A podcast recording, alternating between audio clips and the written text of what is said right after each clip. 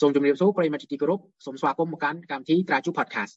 នេះគឺជា podcast នេះគឺជា podcast លេខទី16ខ្ញុំបាទគ្រូសាច់ចម្ពូជាអ្នកសម្របសម្រួលកម្មវិធីនៅក្នុងថ្ងៃនេះ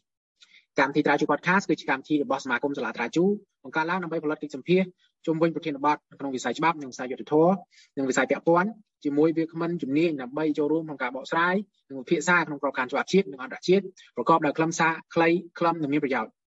នៅក្នុងសប្តាហ៍នេះក៏ដូចជាសប្តាហ៍មុនដែរដោយសារតែយើងគៀកចូលមកដល់កម្មវិធីចូលឆ្នាំថ្មីប្រពៃណីជាតិក្នុងសប្តាហ៍នេះយើងនឹងបង្ហាញបន្ថែមទៀតនៅបទដ្ឋានទេយុទ្ធប្រវត្តិសាស្ត្រដើម្បីញ៉ាំងអារម្មណ៍និងបំផុសនៅការផ្សព្វផ្សាយបន្ថែមទៀតនៅប្រវត្តិសាស្ត្រខ្មែរ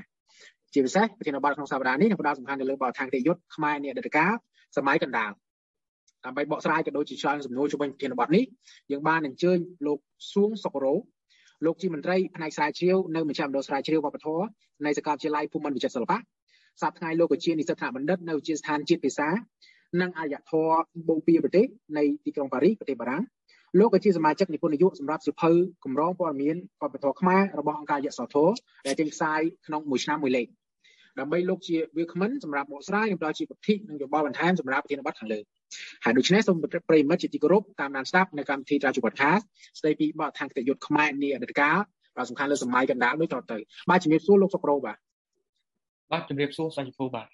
បាទជាថ្មីម្ដងទៀតសូមអរគុណលោកសុករោដែលបានអញ្ជើញចូលរួមក្នុងសប្តាហ៍នេះបន្ថែមពីសប្តាហ៍មុនមុនពាក់ព័ន្ធជាមួយនឹងបញ្ហាបឋានតយុទ្ធសម័យកតែសិលដែលឡែកសប្តាហ៍នេះលោកបកស្រាយអំពីបឋានតយុទ្ធសម័យកណ្ដាលអញ្ចឹងដើម្បីកុំឲ្យខាតពេលយូរខ្ញុំសូមចូលទៅសំណួរទី1តែម្ដងថាតើដើម្បីសិក្សាស្វែងយល់អំពីប្រព័ន្ធតឡាការខ្មែរសម័យកណ្ដាលនេះតើតើយើងត្រូវពិនិត្យលើផុសតាងអ្វីខ្លះដែរលោកសុករោបាទសូមអរគុណសាជាពូចំពោះសំណួរ សូមគោរពជម្រាបសួរទៅអស់លោកលោកស្រីអ្នកស្ដាប់ទាំងអស់អឺសូមអរគុណដែលចំពោះសាយពូដែលផ្ដល់ឱកាសឲ្យខ្ញុំបានត្រឡប់មកអឺអឺចូលរួមកម្មវិធីនេះម្ដងទៀតកាលពីមុនយើងបានឃើញថាយើងបានឃើញអំពី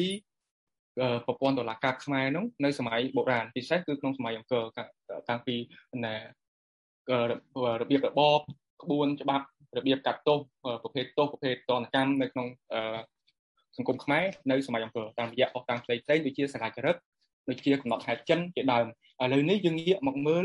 អឺការដែលកាត់ក្តីឬក៏ការដែលរឹបយុទ្ធធម៌នៅក្នុងសង្គមខ្មែរសម័យកណ្ដាលវិញម្ដងបាទសូមជម្រាបថាសម័យកណ្ដាលដែលហៅថាសម័យកណ្ដាលនេះគឺយើងចាប់គិតពីរវាងសតវត្សទី14រហូតមកដល់ចុងសតវត្សទី18 ឥឡូវខ្ញុំសូមឆ្លើយទៅសំណួរថាតើដើម្បីសិក្សាស្វែងយល់ពីប្រព័ន្ធតុលាការខ្មែរសម័យកណ្ដាលនេះយើងត្រូវពឹងផ្អែកលើអ្វីខ្លះផុសតាងដែលយើងយកមកជាគោលសំខាន់ជាងគេបង្អស់ដើម្បីសិក្សាអំពីសម័យកណ្ដាលនេះគឺយើងត្រូវផ្អែកទៅលើសត្រា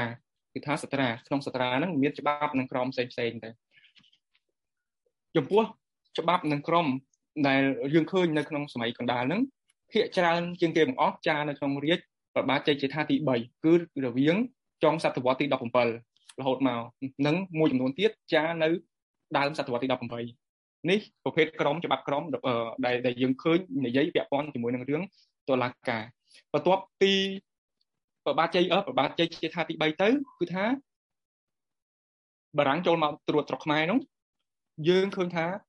មានការបោះពុំច្បាប់ខ្មែរនៅលើក្រដាសសភៅដែលនាំចូលមកពីអឺរ៉ុបណាហើយភាគច្រើនបំផុតគឺក្នុងរាជប្របាទនៅឧត្តម ហើយបោះពុំនៅរោងពុំប្រតិចតរាប្រភេទច្បាប់ឬក្រមដែលបោះនៅក្នុងរាជប្របាទជ័យដ្ឋាននោះមានឧទាហរណ៍ដូចជាច្បាប់ក្រមស្រុក8ផ្កាច្បាប់សត្រាប្រណធានច្បាប់ឆ្នោតច្បាប់ទំនានច្បាប់សារលបាយភ្នាល់ច្បាប់សំពៅច្បាប់សង្ការីក្រមបដៅចៅក្រមក្រមពួកក្រមពលទេពច្បាប់ខុនតឡាដើមលក្ខនឹងលក្ខចំណែកចាប់ពីរាជប្របាទនរោត្តមមកយើងឃើញថាយើងមានការបោះពុំច្បាប់មួយចំនួនដែរ គឺបោះពុំនៅក្នុងរោងពុំបតិចតារាហើយច្បាប់មួយចំនួនហ្នឹងបើយើងមើលពីចរិតលក្ខណៈនៃច្បាប់អស់ហ្នឹងទៅយើងឃើញថាមានអតិពលហ្នឹងតមកពីសម័យកណ្ដាលឧទាហរណ៍ថាច្បាប់ក្រមក្បត់សិទ្ធិក្រមចោរកម្មក្រមតុលាការក្រមទទួលបណ្ដឹងកាត់បណ្ដឹងក្រមទាសកម្មករក្រមភរិយាក្រមទស្សភរិយាក្រមបំណុលក្រមពលទេពក្រមអាជ្ញាលួងក្រមព្រះធម្មសាស្ត្រក្រមមរតកក្រមវិវាទជាដើមហើយហើយសូម បាទហើយទៅតាមច្បាប់គោលទាំងអស់នេះហើយដែលខ្មែរបុរាណយកមកអនុវត្តនៅក្នុងប្រព័ន្ធតុលាការរបស់របស់សង្គមខ្មែរនៅសម័យនោះគឺថាគេមានការតាក់តែងច្បាប់នៅលើនៅលើសត្រានៅលើអីត្រឹមទៅហើយគេអនុវត្តទៅតាមច្បាប់ទាំងអស់នោះបាទបាទសូមអរគុណចំពោះសំណួរទី1អរគុណលោកសុករោដែលបានជំរាបជូនអំពីដំណើរនៃការស្វែងយល់ប្រព័ន្ធតុលាការខ្មែរសម័យកណ្ដាលក៏ដូចជាឯកសារច្បាប់គោល អញ្ចឹងសំណួរខ្ញុំបន្តថាតើដំណើរការទូទៅ របស់តុលាការខ្មែរបុរាណអឺសំទោសតុលាការខ្មែរសម័យកណ្ដាលនោះមានដំណើរការប្រព្រឹត្តទៅដូចម្ដេចហើយដូចគ្នាដែរប្រភេទវិវាទនោះយើងឃើញថាមានវិវាទអ្វីខ្លះកើតឡើងក្នុងសង្គមហើយទូនីតិអ្នកណាខ្លះមាននីតិទូនីតិក្នុងតុលាការហើយការបែងចែកប្រភេទទោសនោះយ៉ាងម៉េចដែរក៏ដូចជារបៀបដាក់ពិន័យក៏ដូចជាទណ្ឌកម្មហ្នឹងមានលក្ខណៈយ៉ាងណាដែរលោកបាទសូមអរគុណសាយពុជចំពោះសំណួរនេះអឺខ្ញុំសូមបញ្ជាក់បន្តិចដែរថា រឿងរ៉ាវទាំងអស់ហ្នឹងគឺយើងផ្អែកសំខាន់ទៅលើសត្រាទៅលើសត្រាទៅលើក្រមទៅលើច្បាប់អីទាំងអស់ហ្នឹងចំពោះសាលាចរិតវិញស្ទើរតែគ្មានសាលាចរិតណាមួយដែលនិយាយរឿងពាក់ព័ន្ធនឹងសាលាការទេព្រោះសាលាចរិតនៅសម័យកណ្ដាលស្ទើរតែទាំងអស់និយាយរៀបរាប់តែរឿងណែបនទានរឿងក្នុងពុទ្ធសាសនាថេរវាទរឿងប្រោសខ្ញុំប្រោសអីនៅនៅប្រាសាទអង្គរវត្តហ្នឹងគឺថាគេយកខ្ញុំទៅប្រោសទៅអីទៅគេកត់ត្រាអំពីអំពើបនកុសលរបស់គេហ្នឹងនៅក្នុងសាលាចរិតទាំងអស់ហ្នឹងហើយអត់ដែលមានសាលាចរិតណានិយាយអំពីណែ ក្នុងក្បួននិយាយអំពីដំណើរការតុលាការអីហ្នឹងទេបាទដូច្នេះទៅខ្ញុំសូមឆ្លើយនឹងសំណួរតែម្ដងថាតើមានប្រភេទវិវាទណាខ្លះដែលយើងឃើញថាមានចែងនៅក្នុងក្បួនក្រមច្បាប់អីនៅសម័យកណ្ដាលហ្នឹងវិវាទដែលយើងឃើញថាមានកត់ត្រានៅក្នុងច្បាប់ឬក្រមទាំងឡាយហ្នឹងគឺជាវិវាទដែលកើតឡើងទូទៅក្នុងសង្គមពេលសម័យនោះគឺភាគច្រើនគឺវិវាទដែលកើតនៅក្នុងជីវភាពរស់នៅប្រចាំថ្ងៃហ្នឹង ហើយវិវាទដែលឃើញមានច្រើនជាងគេមានមានច្រើនគឺថាវិវាទដែលតាក់ទងនឹងរឿងដីធ្លីចំនួនដណ្ដើមគ្នាធ្វើជាកម្មសិទ្ធិលើដីណាមួយវិវាទតាក់ទងនឹងបញ្ញានឹងការបញ្ចាំវិវាទតាក់ទងនឹងសារពើលបែងភ្នាល់អំពើសហាយស្មន់អន្តកររវាងប្រុសស្រីសហាយរវាងចៅហ្វាយនិងខ្ញុំបំរើរវាងសាច់សាលោហិតជាមួយគ្នាអំពើចោលប្រកម្មលួចឆក់ប្លន់ជេរបតិបដាសាប្រមាថកាត់ទៀនដាក់គ្នាជាដើមអំពើហិង្សាកាប់ចាក់សម្លាប់គ្នាអីហ្នឹងក៏មានដែរហើយមាន អំពើបំផ្លាញធ្វើឲ្យខូចខាតទ្រព្យសម្បត្តិសាធារណៈការទន្ទ្រានរុករៀនចូលរបងផ្ទះគេលួចទ្រព្យគេលើបអំពើដែលលើបលួចមានសម្ព័ន្ធសាហាយស្មន់ជាមួយស្ត្រីស្នំក្រុមការនៅក្នុងវាំងក៏មានការដែល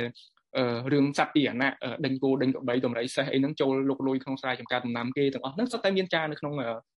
សត្រារឿងបំណុលបុលខ្ចីចងការរឿងអាពាហ៍ពិពាហ៍ជាមួយនឹងសាច់ញាតិជា មួយនឹងគ្រូជាមួយនឹងឪពុកម្ដាយជាមួយនឹងជីដូនមួយអីហ្នឹងក៏សុទ្ធតែជារឿងវិវាទរឿងលួចទ្រព្យរបស់ក្នុងវត្តរំលាយព្រះពុទ្ធរូបរឿង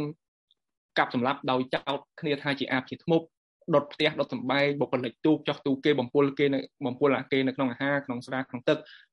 កាប់ដើមឈើរំលំលើដីស្រែគេអីហ្នឹងសុទ្ធតែជាជាវិវាទដែលកើតឡើងនៅក្នុងសង្គមនាសម័យនោះហើយដែលគេកត់ត្រាចូលនៅក្នុងច្បាប់អស់ហ្នឹងបាទហើយ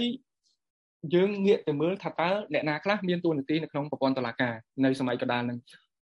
ព័ត៌មានសម័យកណ្ដាលមានច្រើនមានច្រើនច្រើនជាងសម័យបុរាណហ្នឹងឆ្ងាយគឺថាព័ត៌មានហ្នឹងមានច្រើនមែនតើមកដល់ប៉ុន្តែយើងយើងជាការសង្កេតគឺថាមកដល់សម័យកណ្ដាលយើងឃើញថាមានចំណុចខ្លះដូនច្រើនប្រការឧទាហរណ៍ងាររបស់មន្ត្រីរាជការដែលបម្រើការទូទៅនៅក្នុងវិស័យតុលាការស្ទើរតែទាំងអស់ហ្នឹងដូរងារមន្ត្រីនៅសម័យកណ្ដាលភាគច្រើនគេផ្ដើមដោយពាក្យថាអុកញ៉ានិមឺន ចៅពញាជាដើមនឹងដែរសុទ្ធសឹងតែជាពាក្យដែលយើងហៅតាមសៀមយើងគ្មានអីគួរឆ្ងល់ព្រោះថាយើងមានតំណែងតំណងពេលហ្នឹងយើងមានតំណែងតំណងគ្នារវាងខ្មែរជាមួយសៀមហើយសៀមហ្នឹងគេគេគេចាប់ផ្ដើមរីកចម្រើនរាជាណាចក្រសៀមហ្នឹងគេចាប់ដើមកងកើងទៅហើយគេចាប់ដើមផ្សាយពីអតិពលហ្នឹងចូលមកខ្មែរវិញនៅរវាងសម័យកណ្ដាលហ្នឹងបាទឥឡូវយើងមើលថាសមាជិកមើ លពីសមាជិកភាពអ្នកមាននីតិចាំបាច់នៅក្នុងតុលាការសម័យកណ្ដាលហ្នឹងមានន័យថាខ្លះទី1គឺថាអញ្ញាអញ្ញានេះមានជាអ្នកគ្រប់គ្រងគឺជាអ្នកមើលខុសត្រូវសម្របសម្រួលកិច្ចការផ្សេងផ្សេងនៅក្នុងតុលាការហ្នឹងហើយអាជ្ញានឹងក៏ជាតុលាការនឹងកាត់ក្តីដែរគឺថាគឺអ្នកដែលទទួលអំណាចពីរាជការឲ្យបានធ្វើជាមន្ត្រីបម្រើការនៅក្នុងតុលាការនឹងដែរបាទមួយទៀតគឺចវាយស្រុក ចវាយស្រុកគឺជាមន្ត្រីម្នាក់ដែលទទួលបន្ទុកគ្រប់គ្រងផ្នែកដែនដីរដ្ឋបាលស្នាក់ស្រុកហើយយើងឃើញថាការបែងចែកដែនដីនៅសម័យកណ្ដាលហ្នឹងគឺកាន់តែច្បាស់លាស់ឡើងគឺថាស្រុកមួយមួយវាមានចវាយស្រុកម្នាក់ម្នាក់ហើយស្ទើរតែមានឈ្មោះមានក្រុមងារផ្សេងផ្សេងទៀតហើយបើតាមខ្ញុំស្មានដែលហៅថាស្រុកនៅសម័យកណ្ដាលនោះគឺប្រហែលជាសំដៅមកយើងឥឡូវថាខេត្តចវាយស្រុកមួយមួយគឺដូចជាចវាយខេត្តមួយអញ្ចឹង នៅក្នុងច្បាប់ក្រមស្រុកប្រជាជាតិថាបង្ហាញឲ្យយើងឲ្យដឹងពីទម្រង់សាក់របស់ចៅហ្វាយស្រុកនឹងគឺថាចៅហ្វាយស្រុកមួយមួយមានសាក់របស់គេគឺថាកម្រិតខ្ពស់ជាងគេសាក់10ហូពាន់ក្រោមមកមាន9ហូពាន់8ហូពាន់7 6អីអញ្ចឹងទៅបាទហើយនៅក្នុងចំណោមចៅហ្វាយស្រុកទាំងអស់ហ្នឹងមានចៅហ្វាយស្រុកសំខាន់ជាងគេហ្នឹង5នាក់មួយហ្នឹងគឺចៅហ្វាយស្រុកសន្ទុកសុទ្ធតែជាចៅហ្វាយស្រុកដែលមានសាក់10ហូពាន់ចៅហ្វាយស្រុកត្រាំងចៅហ្វាយស្រុកត្បូងឃ្មុំចៅហ្វាយស្រុកពោធិ៍សាត់និងបាភ្នំគឺថាពេលហ្នឹងដែលដីរដ្ឋបាលខ្មែរសម័យកណ្ដាលហ្នឹង គេបែងចែកទៅជាស្រុកប៉ុន្តែនៅក្នុងចំណោមស្រុកទាំងអស់ហ្នឹងគឺគេបែងចែកជាដែនដីរដ្ឋបាលសំខាន់ហ្នឹង5ហើយគ្រប់គ្រងដោយចៅហ្វាយស្រុកដូចខ្ញុំរៀបរាប់អញ្ចឹងឧទាហរណ៍ថាចៅហ្វាយស្រុកសន្ទុកចៅហ្វាយស្រុកហ្នឹងងារឈ្មោះអុកញ៉ាដេជោចៅហ្វាយស្រុកត្រាំងងារឈ្មោះពិស្នុលោកអញ្ចឹងអុកញ៉ាពិស្នុលោកចៅហ្វាយស្រុកត្បូងឃ្មុំគឺអុកញ៉ាអរជូនចៅហ្វាយស្រុកពោធិ៍សាត់គឺអុកញ៉ាសុគាលោកអញ្ចឹងគឺយើងមាន30ចៅហ្វាយស្រុកកាលពីសម័យកណ្ដាលហ្នឹងក្រៅតែពីចៅហ្វាយស្រុកទៅយើងមានចៅក្រម ចៅក្រមគឺសំដៅទៅដល់អ្នកដែលមានអំណាចខាងច្បាប់គឺអ្នកដែលជាម្ចាស់នៃច្បាប់អ្នកត្រូវទ្រង់ច្បាប់ជួនកាលនៅសម័យកណ្ដាលហ្នឹងក៏ដដែលគេប្រើពាក្យសម័យបុរាណគឺថាគេសរហៅចៅក្រមដោយពាក្យថាសភាដូចគ្នាដែរហើយចៅក្រមហ្នឹងក៏មិនកត់កបែងចែកប្រកាសថាទាល់តែអ្នកនឹងមានឯកទេសខាងច្បាប់បានបានធ្វើជាចៅក្រមដែរគឺថាអ្នកដែលមានតួនាទីជាមន្ត្រីធំធំនៅក្នុងព្រះនគរចំនួននោះសុទ្ធតែអាចដើរតួជាចៅក្រមកាត់ក្តីឲ្យគេបានរៀងរៀងខ្លួនបាទឧទាហរណ៍ថា មានក្តីក្តាំអីមួយកាត់ឡើងគេប្រគល់ទៅចវាយស្រុកនេះចវាយស្រុកនោះធ្វើជាចៅក្រមកាត់ក្តីអញ្ចឹងចៅក្រមនៅក្នុងព្រះនគរមានច្រើនទៅតាមទៅតាមប្រភេទរឿងក្រៅពីចៅក្រមមកគឺយើងមានព្រះមហាក្សត្រព្រះមហាក្សត្រហ្នឹងគឺជាអ្នកដែលកាត់ក្តីធំជាងគេដូចសម័យបុរាណដែរគឺថាជាអ្នកដែលបញ្ចប់រឿងក្តីបើសិនជារឿងក្តីណាមួយចៅក្រមកាត់អត់បានទេអឺវិនិច្ឆ័យអត់កើតឬក៏កាត់កាត់សេចក្តីទៅហើយបែរជាគូទំនាស់ ទាំងសងខាងហ្នឹងមិនមិនយល់ព្រមមិនតបចិត្តម្ល៉េះហើយគេត្រូវយករឿងក្តីហ្នឹងមកទូលព្រះរាជាសុំការសុំព្រះរាជតម្រេះដើម្បីកាត់ជាចុងក្រោយហើយគេយល់ថាព្រះរាជតម្រេះរបស់ព្រះករុណាហ្នឹងព្រះមហាក្សត្រហ្នឹងគឺជាព្រះរាជតម្រេះដ៏ត្រឹមត្រូវដ៏សុចរិតដ៏មានសុភវិនិច្ឆ័យដែលដែលមានទស្សពិតរាជធម៌ពិតប្រាកដដែលធ្វើឲ្យគូក្តីទាំងសងខាងហ្នឹងអាចទទួលយកបានហើយ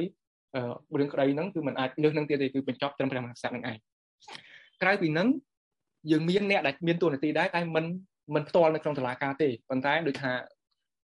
កាលណាតុលាការគេត្រូវការអីចឹងទៅគេអាចរើកហៅរើកអ្នកទាំងអស់នឹងដែរឧទាហរណ៍ថាសម្ដេចព្រះទាវសម្ដេចព្រះទាវគឺជាព្រះព្រះមេដារបស់ព្រះមហាក្សត្រគឺថាព្រះមហាក្សត្រីយានី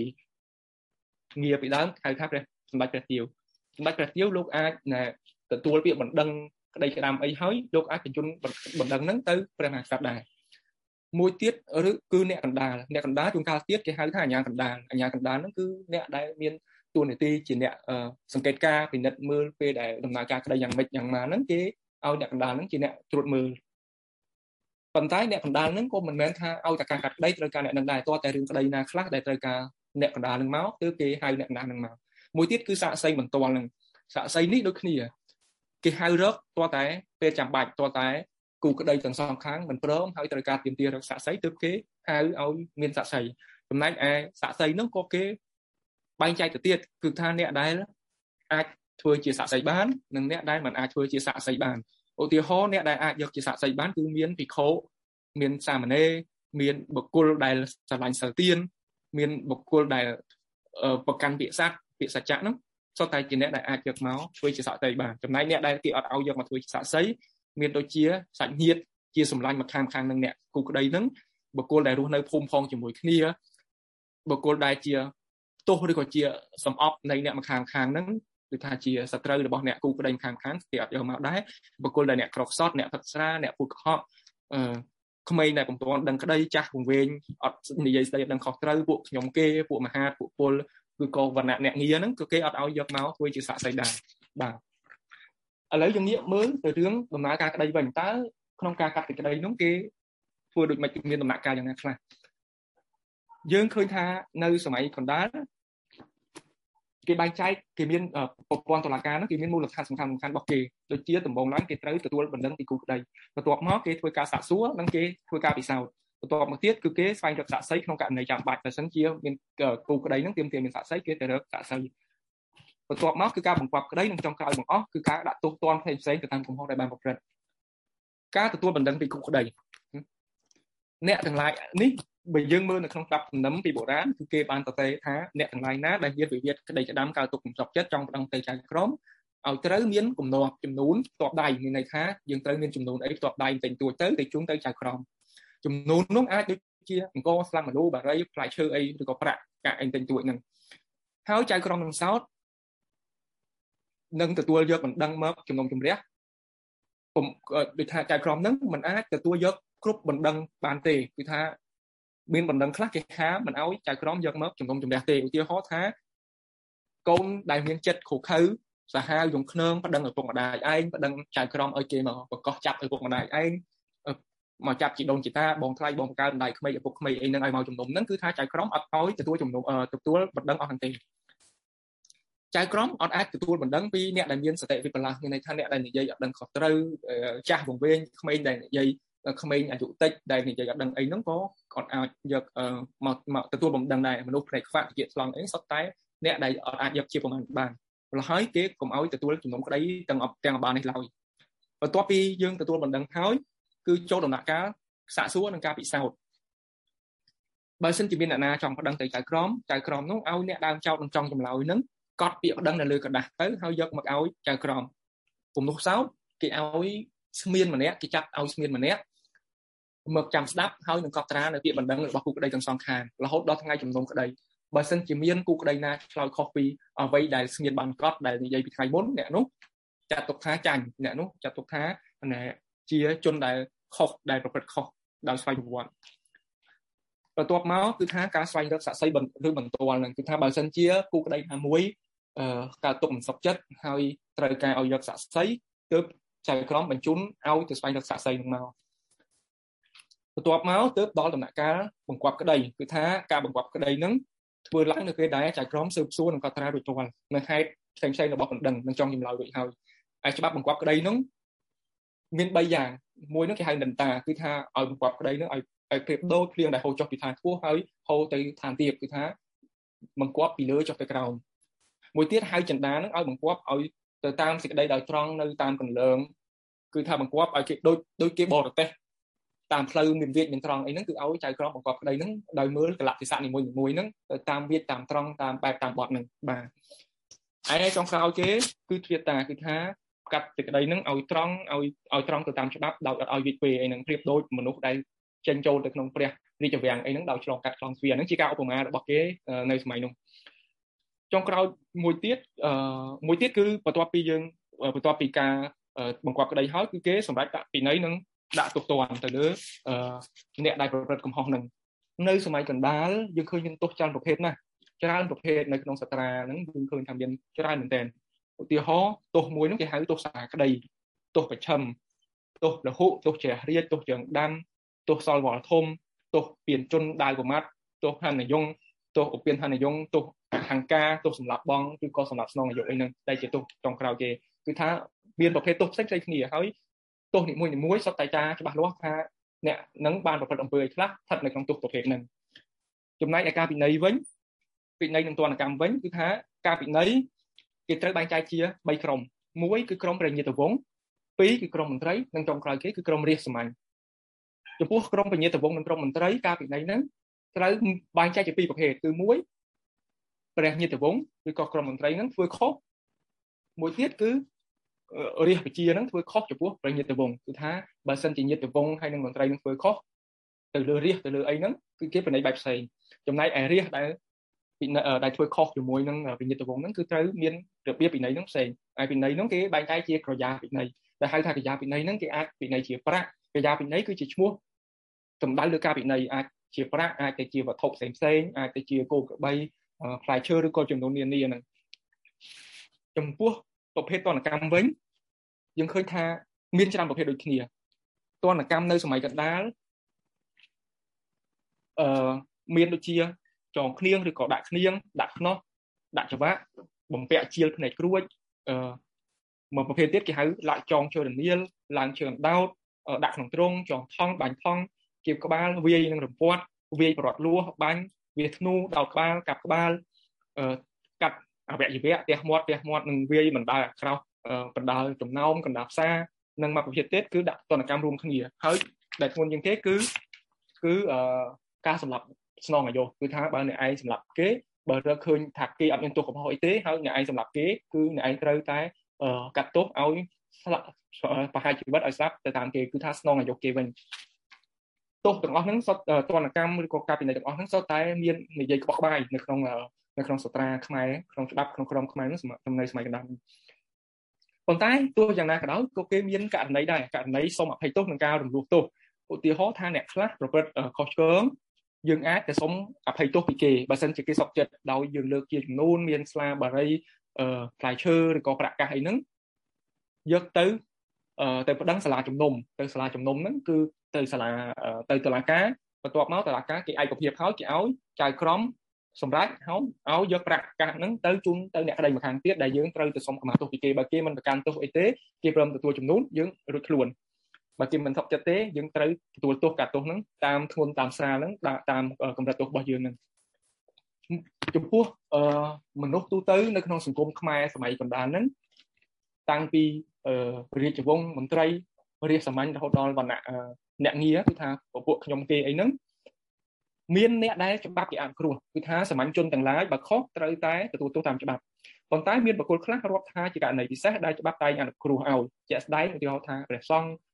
ជាដើមនឹងបើសិនប្រព្រឹត្តខុស គេលើកលែងទោសឲ្យព្រះសង្ឃប៉ុន្តែមិនមែនមានន័យថាព្រះសង្ឃនឹងរួចខ្លួនបានរហូតទេបើសិនជាទោសនឹងធ្ងន់រហូតដល់បរាជិកអីជាដើមព្រះសង្ឃនឹងត្រូវក្រុមភ្នាក់ងារសង្ឃរីគឺថាច្បាប់តាក់ទងខាងវិន័យសង្ឃនឹងកាត់ទោសដូចគ្នាប៉ុន្តែបើទោសល្មមល្មមស្រាលស្រាលទេច្បាប់នឹងលើកលែងទោសព្រោះព្រះសង្ឃពីដើមគេគោរពព្រោះព្រះសង្ឃជាអ្នកប្រតិបត្តិសាសនាហើយសាសនាពុទ្ធសាសនាខ្មែរថេរវាទសម័យនោះគឺគេគោរពខ្ពង់ខ្ពស់ខ្លាំងគេកាត់ថ្លៃស្មើដួងមានន័យថាអ្នកណាដែលប្រមាថព្រះសាសនាអីហ្នឹង ប្រៀបដូចជាប្រមាថដួងប្រមាថព្រះមហាក្សត្រនឹងត្រូវមានទោសនឹងអីក្រៅពីព្រះសង្ឃ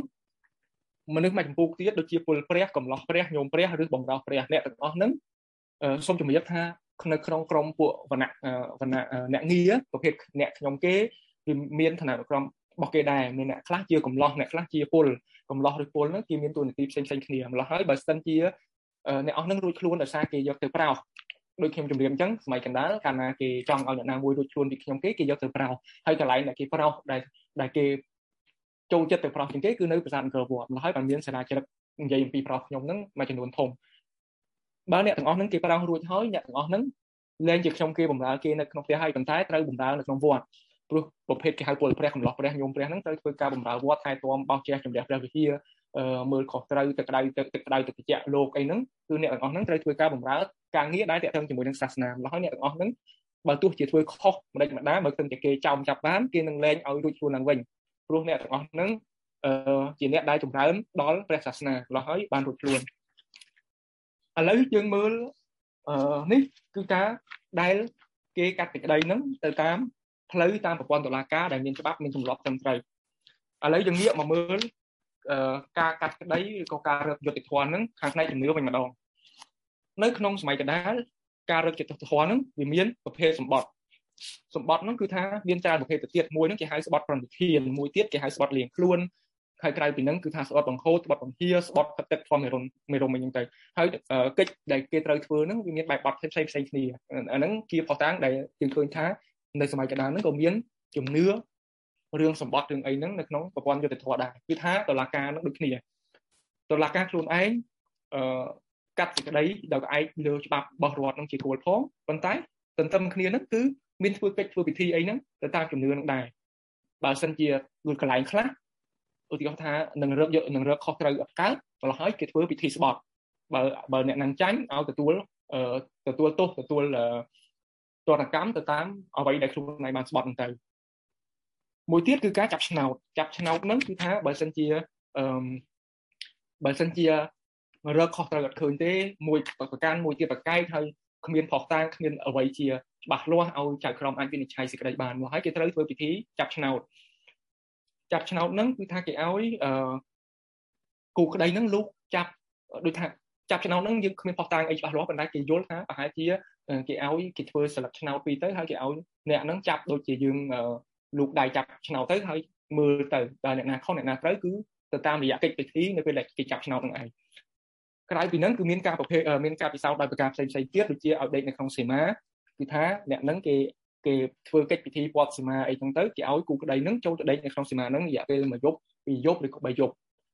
វាស្តៀងគ្នាទៅនឹងសម័យបុរាណគឺថាសម័យអង្គរដែលជឿតែខ្វាន់និយាយអញ្ចឹងគេឲ្យបើសម័យអង្គរគេឲ្យគូក្តីចូលទៅក្នុងប្រាសាទប៉ុន្តែនៅសម័យកណ្ដាលនេះគេឲ្យគូក្តីចូលទៅក្នុងសីមាបើសិនជាដេកនៅក្នុងសីមាហ្នឹងចំនួនអឺ 3ថ្ងៃហើយហើយអត់មានប្រតិកម្មអ្វីអត់ឈឺអត់ក្អកអត់ក្តៅអត់អីទេអ្នកហ្នឹងចាត់ទុកថារួចខ្លួនប៉ុន្តែបើសិនជាមានឈឺមានអីនោះគឺថាអ្នកនោះជាអ្នកប្រព្រឹត្តខុសមែនទែនហើយត្រូវយកទៅកាត់ទោសមួយទៀតគឺថាបោះចូលទៅក្នុងទឹកដូចដូចយើងឃើញពីបុរាណមកអញ្ចឹងគឺថាគេចាប់អ្នកនោះបោះចូលទៅក្នុងទឹកចំនួន3ដងហើយគេគិតមើលបើលិចម្ដងអណ្ដែត2ដងឬលិច2ដងអណ្ដែតម្ដងគេត្រូវកាត់សេចក្តីឲ្យបង់ក្រយ៉ាពីនៃតាមតាមចំនួនលិចអណ្ដែតហ្នឹងទៅចំពោះប្រភេទសម្បត្តិដែលយើងឃើញនៅសម័យកណ្ដាលហ្នឹងរហូតមកដល់សប្តាហ៍ថ្ងៃនេះ ក៏មានរបៀបដូចគ្នាហ្នឹងគឺថាមានដូចជានៅសៀមរាបនៅម្ដុំវត្តកម្មអីនៅខេត្តសៀមរាបហ្នឹងមានមានម្ដងសប្តាហ៍ថ្ងៃដែលខ្ញុំធ្លាប់បានឃើញតភ្នែកធ្លាប់បានទៅធ្វើអង្កេតអីហ្នឹងឃើញថាខ្មែរនៅតែជឿអញ្ចឹងប្រព័ន្ធយុត្តិធម៌តាមបែបជំនឿហ្នឹងនៅតែមាននៅក្នុងសង្គមខ្មែរអញ្ចឹងកាលណា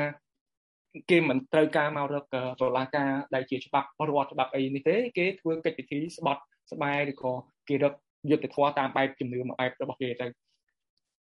យើងសប្តាហ៍ហាក់ដូចជាបែងចែករវាងជំនឿនិងប្រព័ន្ធយុត្តិធម៌តាមបែបជំនឿជាមួយនឹងប្រព័ន្ធតុលាការច្បាប់ហ្នឹងហាក់បែងចែកដាច់ពីគ្នាព្រោះព្រោះតុលាការយើងសប្តាហ៍អត់មានទេរៀបចំកិច្ចពិធីស្បត់អីជាផ្លូវការនៅក្នុងនៅក្នុងការកាត់ក្តីហ្នឹងអត់មានទេប៉ុន្តែប្រជាជននៅតាមសប្តាហ៍ចម្ការគេនៅតែជឿថាតាមបែបជំនឿហ្នឹងគេនៅតែមានគេជឿថាបារមីស័ក្តិសិទ្ធិឬក៏អំណាច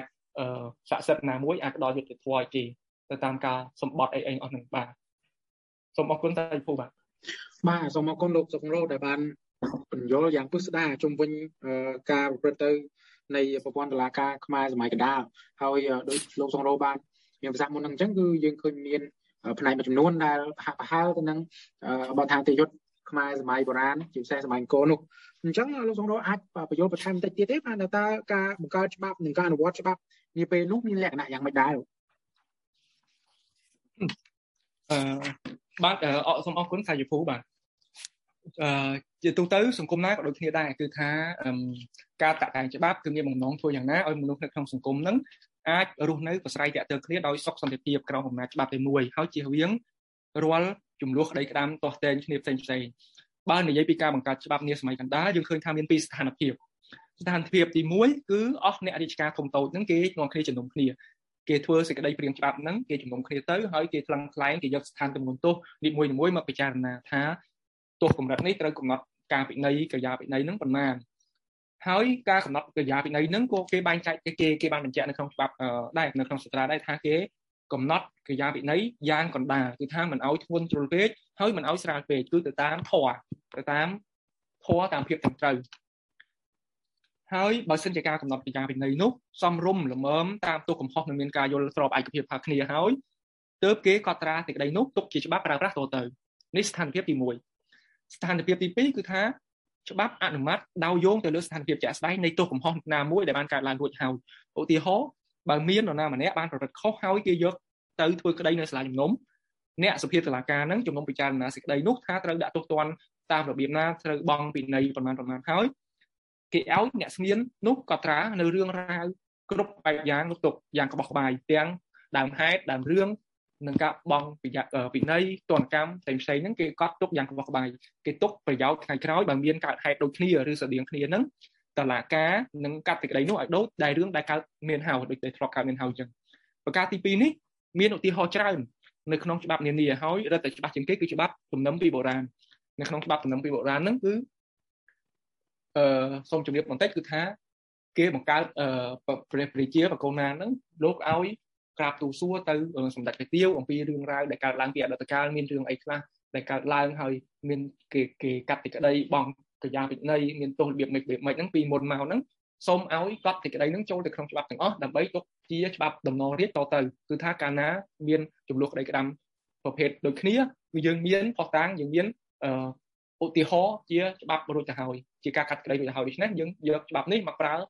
ជាច្បាប់តទៅទៀតនេះនៅនៅសម័យបុរាណគឺថាយើងឃើញថាមានការបង្កើតច្បាប់ហ្នឹងតាមប្រភេទពីរនេះឯងបាទសូមអរគុណបាទបាទសូមអរគុណលោកសំរោដែលបានជាថ្មីបញ្យល់បន្ថែមទៅតើការបង្កើតច្បាប់ការអនុវត្តច្បាប់មានលក្ខណៈយ៉ាងដូចម្ដេចហើយជាសំណួរចុងក្រោយរបស់កម្មវិធីយើងក្នុងថ្ងៃនេះតើតើក្នុងបរិបត្តិនៃសម័យដ៏ជឿនលឿនបច្ចុប្បន្នហេតុអ្វីយើងគួរស្វែងយល់ អំពីរបៀបគតិយុត្តរបស់សម័យបុរាណដែលរួមទាំងសម័យអង្គរក៏ដូចជាសម័យកណ្ដាលនេះលោកបាទសូមអរគុណសាយពូចំពោះសំណួរនេះហេតុអីបានយើងគួរកបីយើងសម័យថ្មីយើងគួរកបីក៏លេចមើលស្វែងយល់អំពីសម័យអតីតកាលសម័យបុរាណការដែលយើងត្រូវយល់ស្វែងយល់ពីអតីតកាលគឺវាមានប្រយោជន៍ព្រោះថាដំបូងអស់គឺថាស្រុកយើងមិនមែនកើតមកថ្មីថ្មីជំនាន់យើងនេះទេគឺយើងយើងមានប្រវត្តិសាស្ត្ររបស់យើងយើងមាន ផុសតាងយើងមានអីយើងយើងមានសង្គមមួយដែលមានរបៀបរបបដែលមានការគ្រប់គ្រងស្រុកទេសមានអរិយធម៌មានអីហ្នឹងរួចស្រេចទៅហើយទៅនាំមកដល់យើងនេះទោះបីសម័យយើងនេះយើងផ្លាស់ប្ដូររបបរស់នៅខុសពីអតីតកាលយ៉ាងណាក៏ដោយប៉ុន្តែសំខាន់ណាស់ដែលយើងគប្បីស្វែងយល់ពីអតីតកាលរបស់យើងដើម្បីឲ្យដឹងពីប្រភពកំណើតរបស់យើងអំពីអឺអតីតកាលរបស់យើងតើពីមុនយើងយ៉ាងម៉េចរហូតមកដល់យើងសប្តាហ៍ថ្ងៃនេះយ៉ាងម៉េចហើយវាមានប្រយោជន៍ទៅទៀតវែងឆ្ងាយព្រោះ ណាទោះបីតែថាយើងប្រតិបត្តិតុលាការខ្មែរសម័យថ្មីនេះដោយផ្អែកទៅលើច្បាប់គតិយុត្តរបស់យើងថ្មីនេះក៏ដោយយើងក៏បីយល់ពីគេពីមុនថាម៉េចយើងយល់ពីអកប្បកិរិយាចរិតលក្ខណៈរបស់ខ្មែរពីមុនអីយ៉ាងម៉េចយ៉ាងម៉េចហ្នឹងព្រោះវាប្រយោជន៍ឲ្យយើងអាចវិនិច្ឆ័យកាត់សេចក្តីអីហ្នឹងបានត្រឹមត្រូវអីហ្នឹងទៅបាទហើយវាជាប្រវត្តិសាស្ត្ររបស់មនុស្សជាតិពិសេសរបស់ជាតិសាសរបស់យើងដែលដូចខ្ញុំបានជម្រាបអញ្ចឹងថា យើងយើងយើងមិនមែនកើតមកឥឡូវនេះទេគឺយើងមានអីដែលពីមុនមកដូនតាយើងធ្លាប់តាមអញ្ចឹងឡើយអឺសំខាន់ណាស់ដែលម្នាក់ម្នាក់អឺគាត់បីដឹងខ្លួនឯងមកពីណា មានប្រវត្តិសាស្ត្រដូចផ្ដិចអឺនឹងធ្វើដំណើរទៅមុខតទៅទៀតយ៉ាងម៉េចហ្នឹងអាហ្នឹងវាសំខាន់ព្រោះចំពោះជាតិយើងដែលដែលយើងគួរតែនិយាយថានេះជាមោទនភាពណាព្រោះយើងអ្នកស្រុកខ្លះគេអត់មានអត់មានភាសាអត់មានអក្សរអត់មានអរិយធម៌យូរលងដូចដូចស្រុកយើងទេបាទ ឡើយហើយយើងគួរតែយើងមានពូជកំណើតរបស់យើងគឺថាយើងមានពូជរបស់យើងមកម្ល៉េះខ្ញុំយល់ថាយើងគប្បីស្វែងយល់ខ្លះខ្លះទោះបីថាមិនមែនជាឯកទេសមិនមែនជាទៅជាអ្នកជំនាញទៅជាអីក៏យុវជនខ្មែរហ្នឹងគាត់បីស្គាល់រឿងរបស់ខ្លួនឯងដែរស្គាល់ជាតិរបស់ខ្លួនឯងដែរមានប្រភពមកពីណាអ្វីប្រវត្តិសាស្ត្រដូចដេចភាសាវប្បធម៌អរិយធម៌នោះយ៉ាងម៉េចហ្នឹងហើយដែលជាមោទនភាពរបស់ជាតិពិតប្រាកដនោះបាទសូមអរគុណបាទសាយភូ បាទជាថ្មីម្ដងទៀតសូមអរគុណដល់លោកស៊ូមសុករោដែលបានបកស្រាយវិធានបទអំពីអំពីវិធានបទបកខាងតយុទ្ធខ្មែរនីអតីតកាលផ្សេងបដោសំខាន់ទៅលើសម័យបុរាណហើយដូចប្រសាសន៍របស់លោកសុករោគឺយើងមានអរិយធម៌មួយដ៏យូរលង់យើងមានពុជពងមួយដ៏ច្បាស់លាស់យើងមានប្រវត្តិសាស្ត្រមួយដែលដូចលោកមានប្រសាសន៍អញ្ចឹងថាច្បាស់លាស់ហើយអាចនិយាយបានថាចាស់មួយនៅក្នុងពិភពលោកអញ្ចឹងយើងគួរក៏បីស្វែងយល់បន្ថែមទៀត អញ្ចឹងជាថ្មីម្ដងទៀតខ្ញុំបាទសូមថ្លែងអំណរគុណដល់លោកដែលបានចំណាយពេលវេលាដ៏មានតម្លៃបកស្រាយនៅប្រធានបទនេះហើយនឹងឆ្លើយនៅសំណួរក្នុងកម្មវិធីរបស់យើងជាមួយគ្នានេះខ្ញុំបាទសូមអរគុណទៅដល់ប្រិយមិត្តដែលបានចូលរួមតាមដានស្ដាប់នៅកម្មវិធីត្រាជូ podcast របស់សមាគមសាលាត្រាជូហើយយើងនឹងសន្យាវិលមកវិញជាមួយនឹងប្រធានបទសំខាន់ៗទៀតនាសប្ដាហ៍បន្ទាប់